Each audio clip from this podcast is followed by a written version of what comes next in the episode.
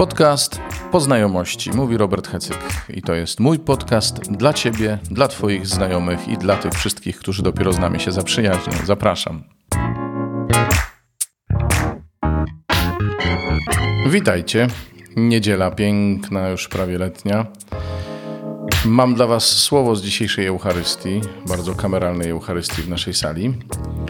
Słowo jest o tym, jak dużym ryzykiem jest patrzenie na świat przez pryzmat tylko tego, co widzialne, przez pryzmat tego, co nam się wydaje, co myślimy. No bo zobaczcie, kuzynostwo Jezusa i jego matka prawie uwierzyli, że Jezus zwariował. No co tu dużo mówić. No dzisiaj o tym, jak to zrobić, żeby rozpoznać Jezusa w Jezusie, żeby w nim zobaczyć tego, kto tam mieszka. Jak nie popełnić grzechu um, uczonych w piśmie, jak nie nazwać diabłem tego, co święte.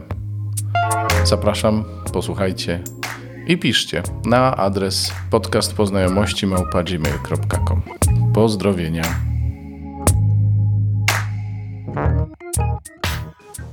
Szczerze mówiąc, sam nie wiem od czego zacząć, bo mm, oprócz tego, że dzisiejsza liturgia słowa jest bardzo bogata, to przede wszystkim e, ona jest bardzo jednoznaczna.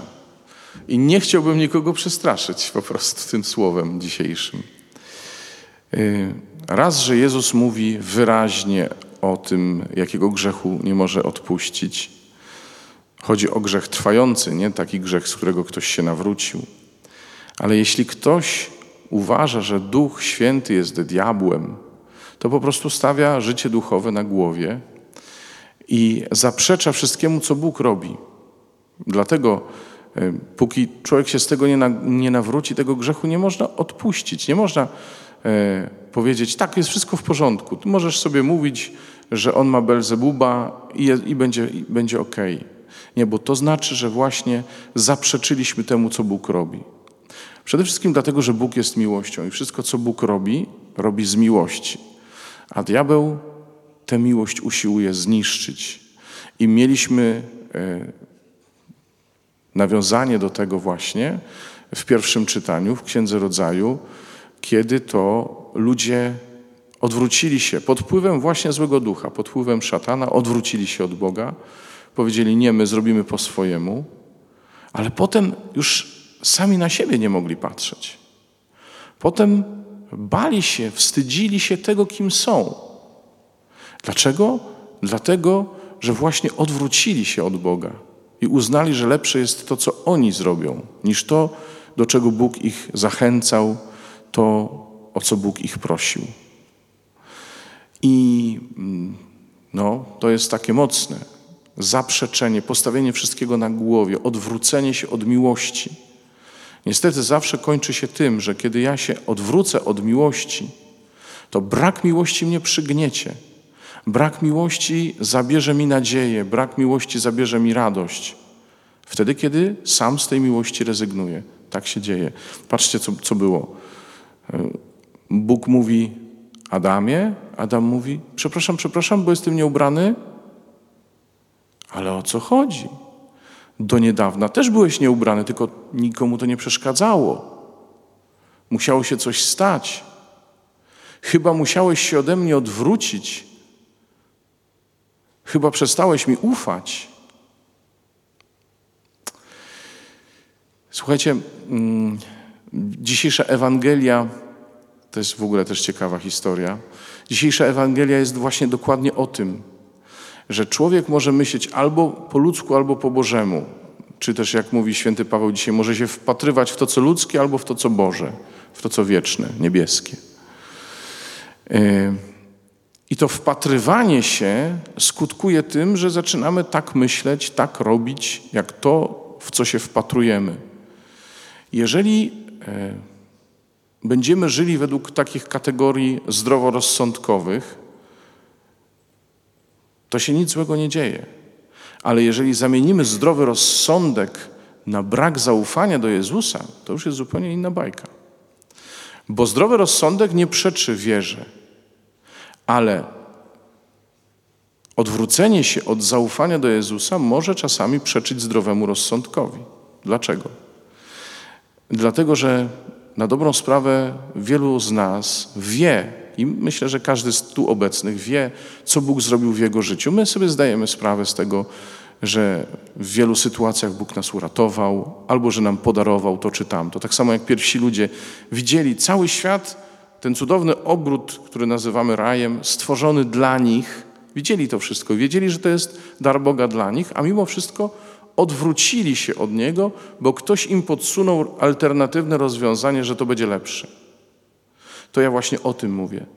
Ile razy wiedząc, co Bóg dla nas zrobił, wiedząc, że nas kocha, wybieramy rozwiązanie alternatywne, tyle razy właśnie powielamy ten wzorzec pierwszych ludzi, którzy uznali, że mogą mieć coś więcej niż wszystko.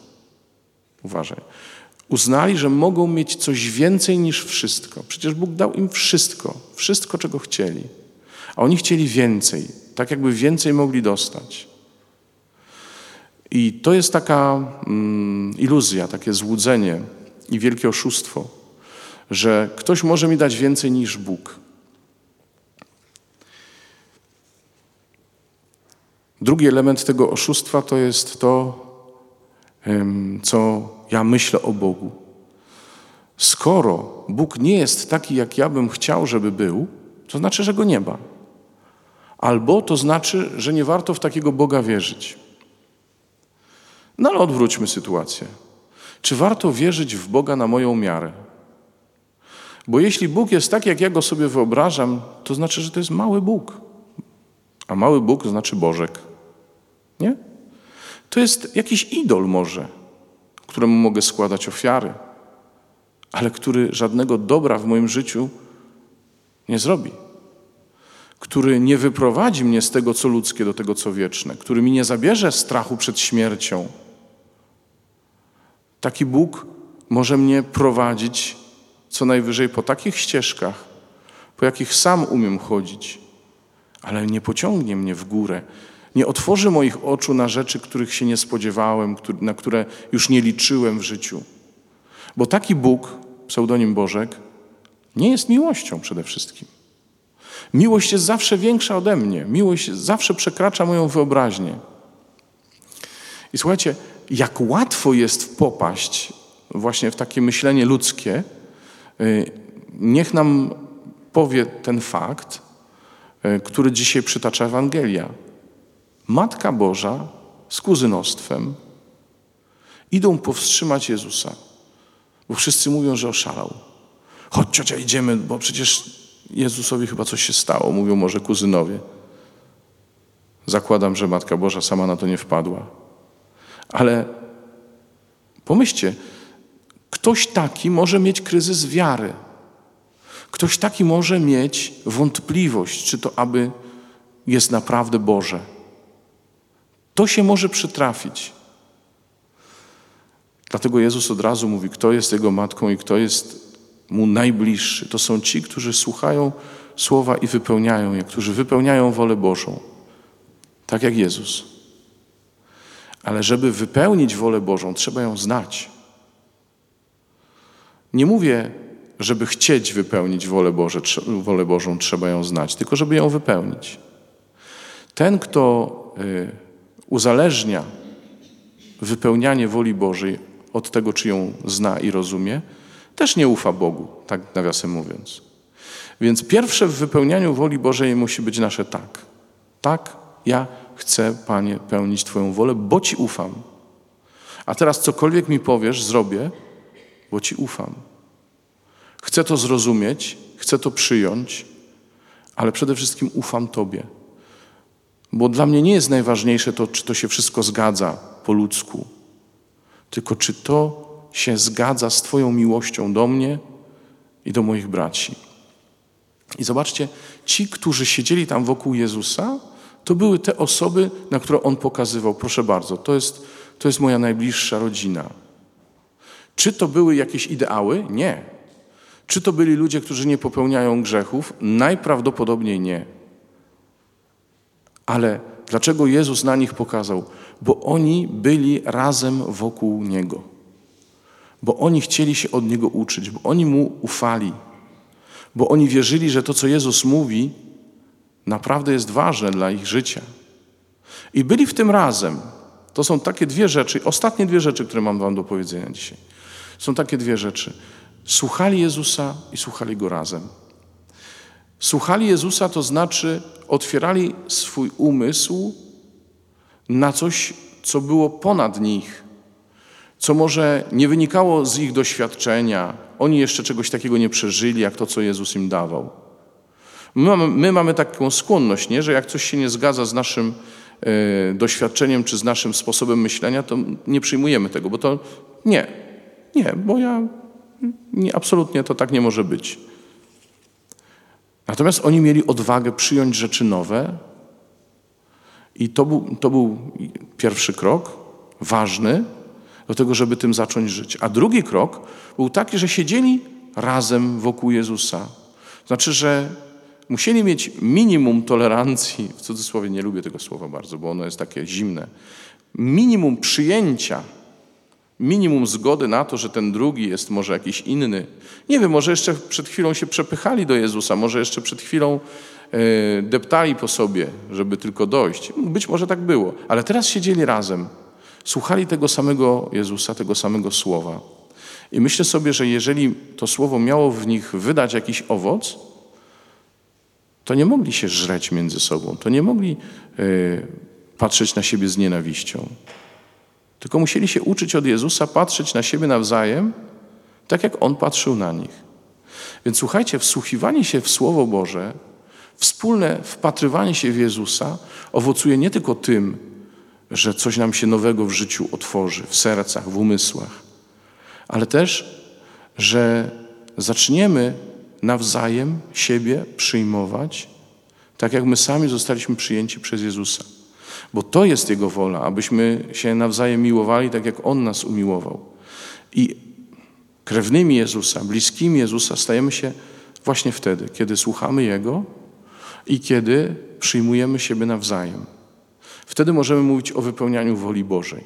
I wtedy, choćby nam ktoś tłumaczył, nie, słuchaj, on oszalał, on zwariował, daj spokój, nie będziemy się tym przejmować. Kiedy będą mówić, on ma Belzebuba, to będziemy wiedzieli, że trzeba to między bajki włożyć. Taka mi się historia jeszcze przypomniała z dziejów apostolskich zupełnie na koniec. Słuchajcie, my jesteśmy tak zafiksowani, że nawet religijne rzeczy mogą nas omamić. To znaczy, Piotr był w więzieniu, pamiętacie historię może z dziejów apostolskich, Piotr był w więzieniu, Pan go cudownie z tego więzienia uwolnił i poszedł tam do jednej rodziny, do Marka konkretnie ewangelisty, puka do drzwi odźwierna przychodzi i nie otwiera mu, ale poznaje głos Piotra, tylko ze zdziwienia, że to on nie otwiera mu.